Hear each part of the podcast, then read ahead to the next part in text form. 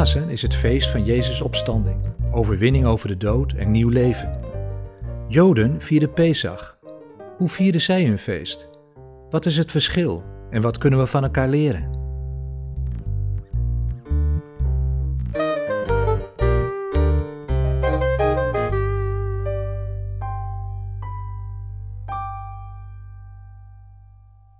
Volgend jaar in Jeruzalem luidt de hoopvolle verwachting waarmee de Joodse mensen ook dit jaar hun sederavond zullen afsluiten. Ja, het is momenteel een stressvolle tijd voor de wereldwijde Joodse gemeenschap.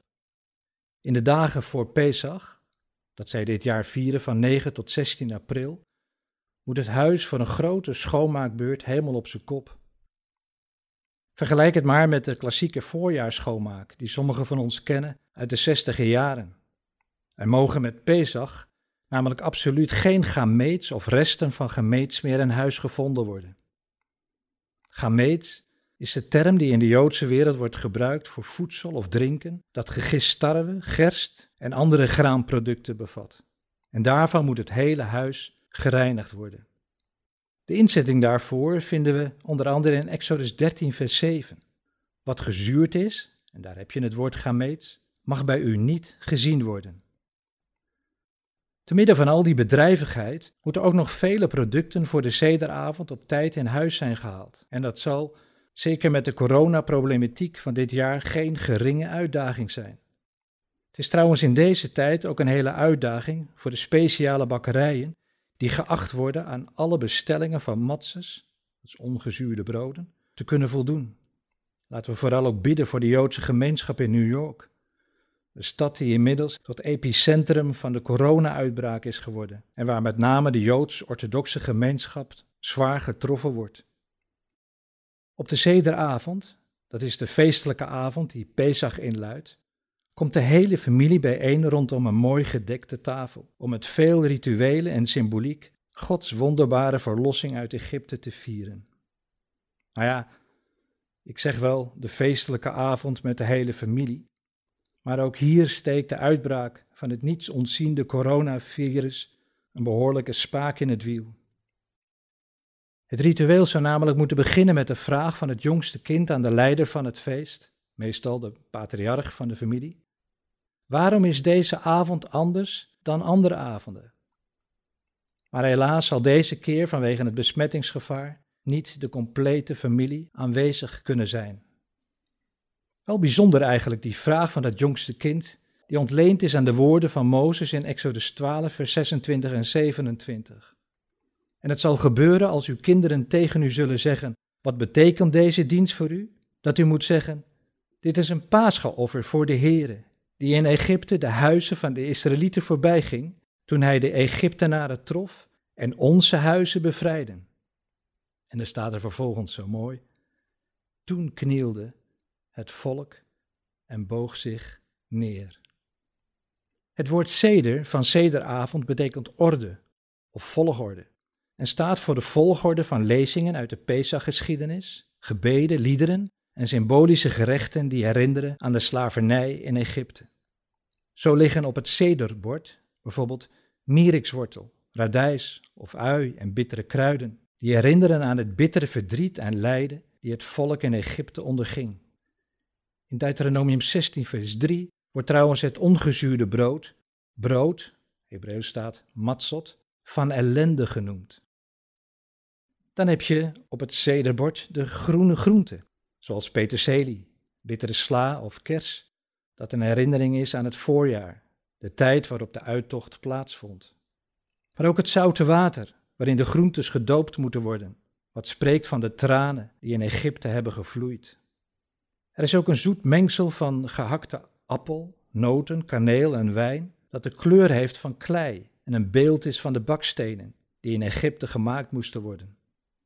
Het hardgekookte ei, dat niet mag ontbreken, is volgens sommigen een verwijzing naar de volharding van het volk toen zij werden geïntimideerd en geslagen door de Egyptische opzichters.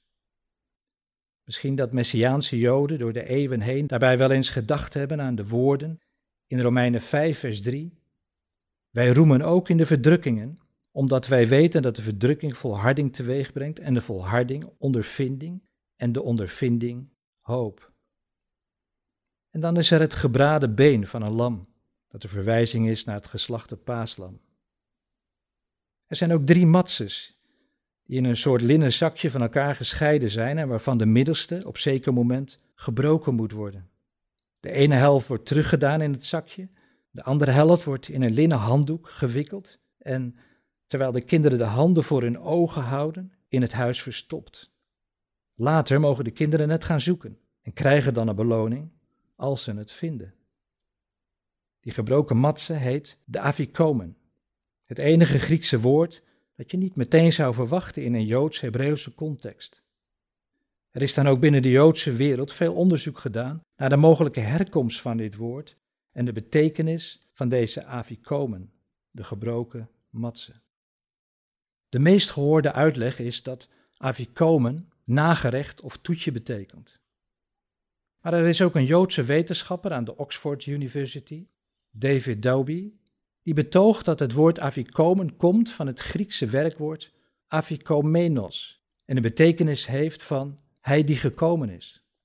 En dat is wel heel opmerkelijk, want dan zouden we in deze gebroken matse het beeld kunnen herkennen van bijvoorbeeld Jesaja 53 vers 10, waar staat, maar het behaagde de Heere hem te verbrijzelen. Dan is hij die afikomen, die inderdaad is gekomen, is gebroken en door sommigen is gevonden, maar helaas ook voor anderen verborgen is gebleven. Ik moet denken aan de woorden van Johannes 1, vers 12 en 13. Hij kwam tot het zijne, maar de zijnen hebben hem niet aangenomen.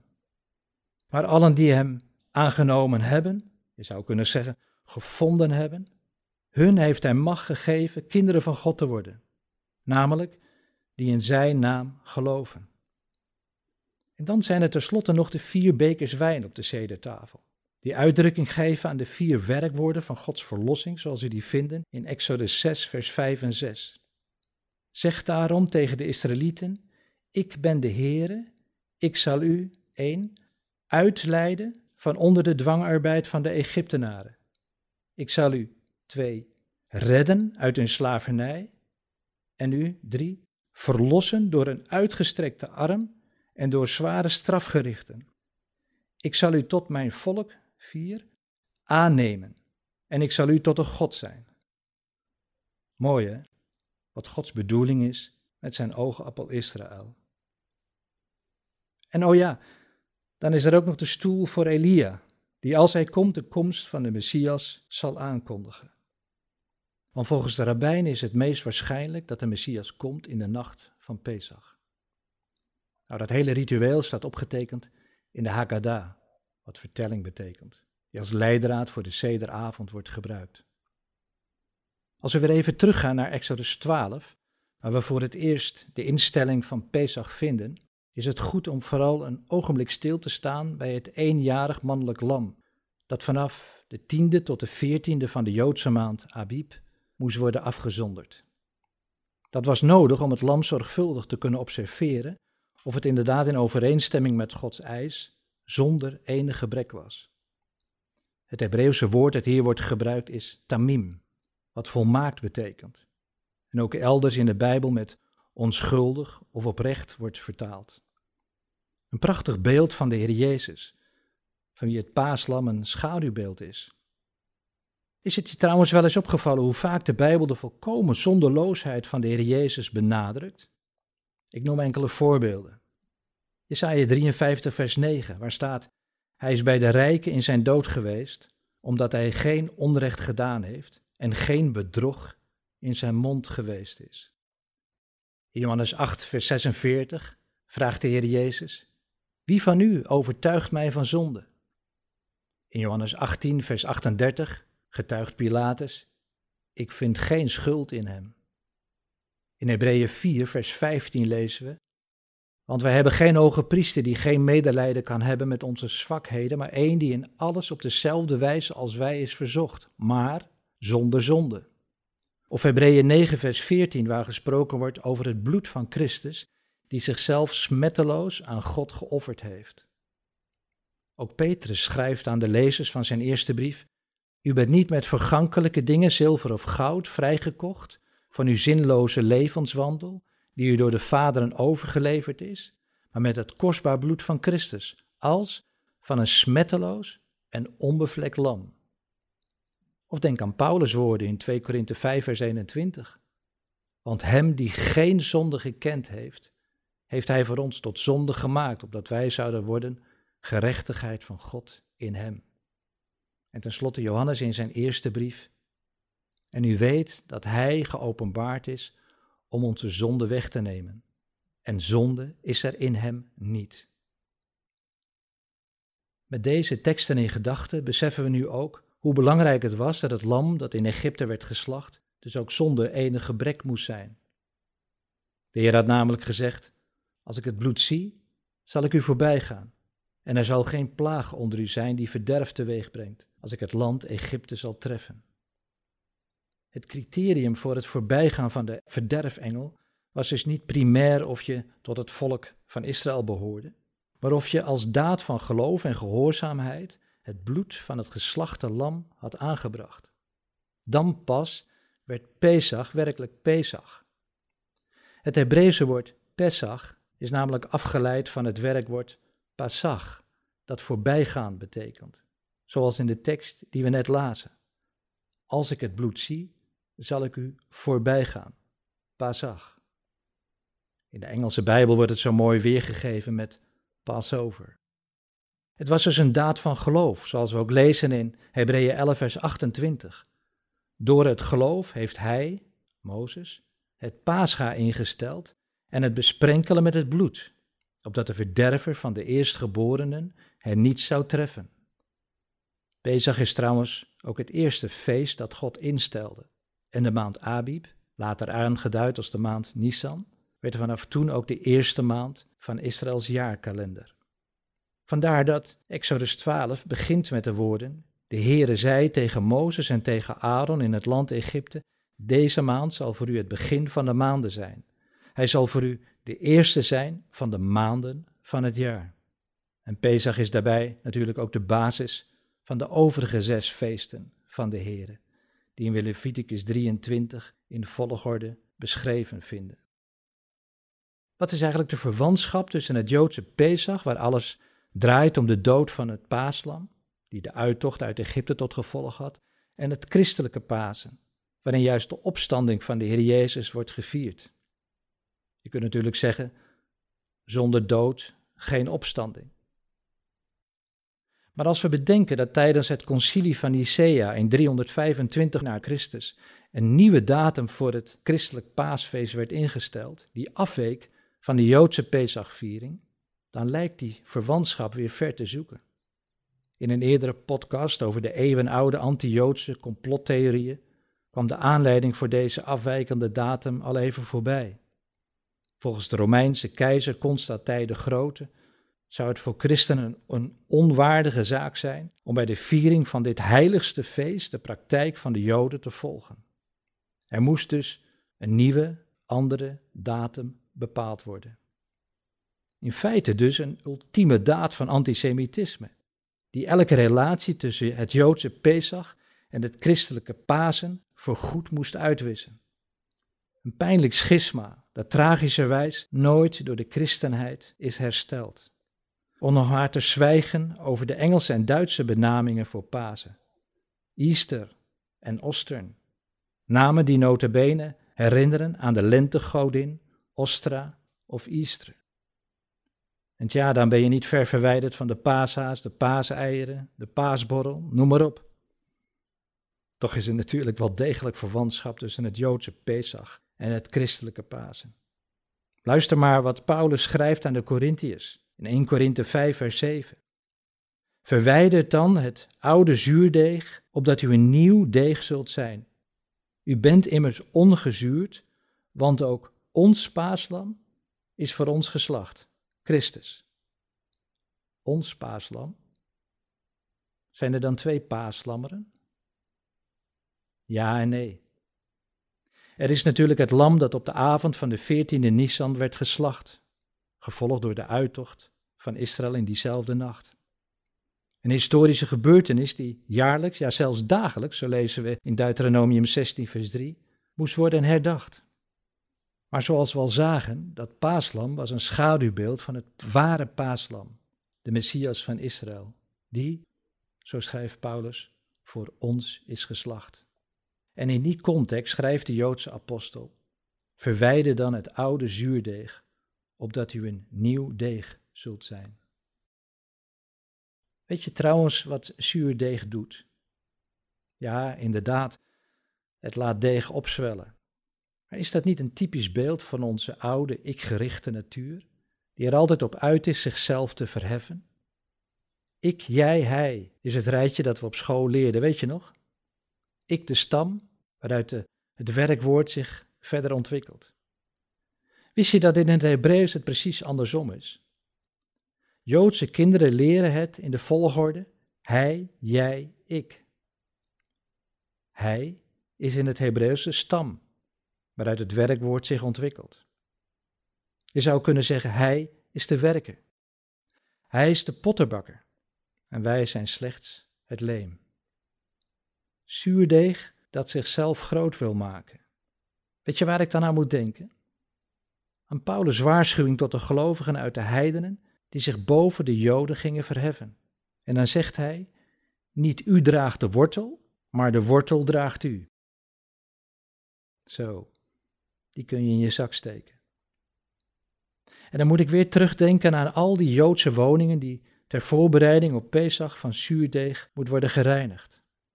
Wat moeten er misschien nog bij ons christenen veel zuurdeeg worden verwijderd? Ik beperk me maar even tot de twee vormen van vervangingstheologie. De eerste luidt: de kerk heeft de plaats van Israël ingenomen. Alle beloften van herstel voor volk en land van Israël zijn allemaal vervuld in Christus en zijn kerk. Een vervangingstheologie die helaas nog altijd springlevend is en die een theologische inbraak zou kunnen noemen. Een koep. Maar er is ook een tweede vorm van vervangingstheologie, die luidt: Joden hebben Jezus niet nodig. Jezus is alleen de zaligmaker van heidenen. Joden hebben hun eigen weg tot God. En daarmee wordt de kern van het evangelie met voeten getreden. Want de Heer Jezus is als de Joodse Messias in de eerste plaats voor zijn eigen volksgenoten gekomen.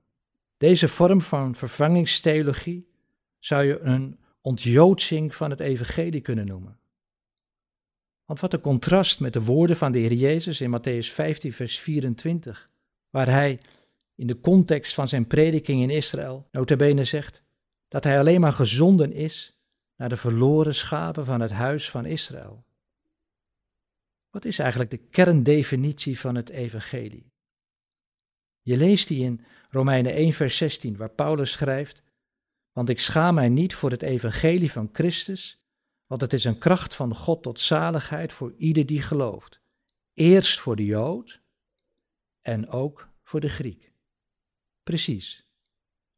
God heeft zijn volk, dat hij tegenover de farao in Exodus 4, vers 22 zijn eerstgeboren zoon noemt, voor in de rij van de volken gezet, om hen met het evangelie van hun Messias kennis te laten nemen, zoals hij in hun heilige geschriften door hun profeten, apostelen en evangelisten heeft laten optekenen.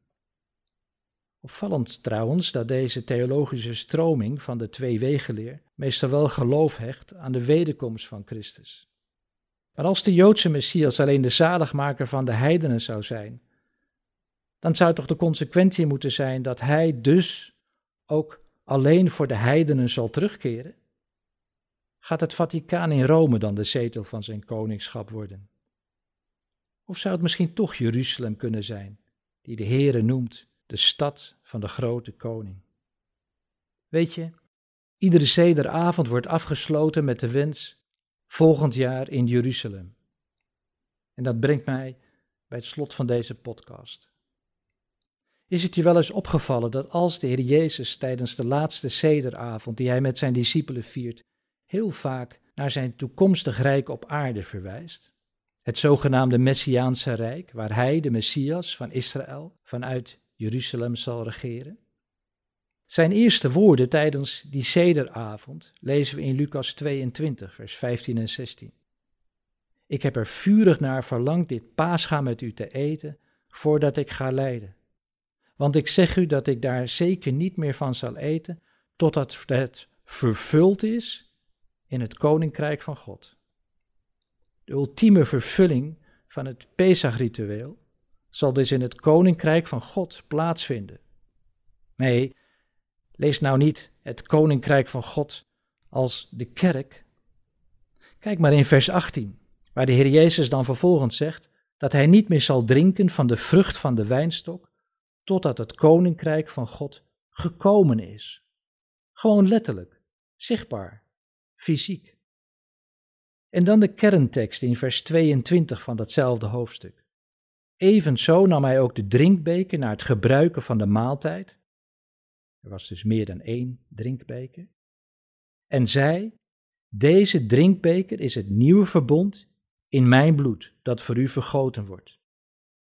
Wanneer zal de ultieme vervulling van dat nieuwe verbond voor Israël ingaan? We vinden het antwoord onder andere in Jeremia 31, vers 31 en 32. Zie, er komen dagen, spreekt de Heere, dat ik met het huis van Israël en met het huis van Juda een nieuw verbond zal sluiten. Niet zo als het verbond dat ik met hun vaderen gesloten heb op de dag dat ik hun hand vastgreep om hen uit het land Egypte te leiden. Mijn verbond dat zij verbroken hebben, hoewel ik hen getrouwd had, spreekt de Heer. Voorzeker, dit is het verbond dat ik na die dagen met het huis van Israël sluiten zal, spreekt de Heer. Ik zal mijn wet in hun binnenste geven en zal die in hun hart schrijven. Ik zal hen tot een God zijn en zij zullen mij tot een volk zijn. Een profetie die dus nog wacht op vervulling, maar zeker vervuld zal worden. En ja, in dat koninkrijk ligt ook nog een bijzondere taak voor Jezus' discipelen weggelegd. Want, zo belooft hij in hetzelfde hoofdstuk van Lucas 22, ik beschik u het koninkrijk zoals mijn vader dat aan mij beschikt heeft, opdat u eet en drinkt aan mijn tafel in mijn koninkrijk en op tronen zit en de twaalf stammen van Israël oordeelt. Vind je het vreemd dat de discipelen na zijn opstanding en vlak voor zijn hemelvaart hem vragen, Here, zult u in deze tijd voor Israël het koninkrijk weer herstellen? Nee, natuurlijk niet. En dan begrijp je meteen ook de hartstochtelijke wens waarmee elke sederavondviering wordt afgesloten.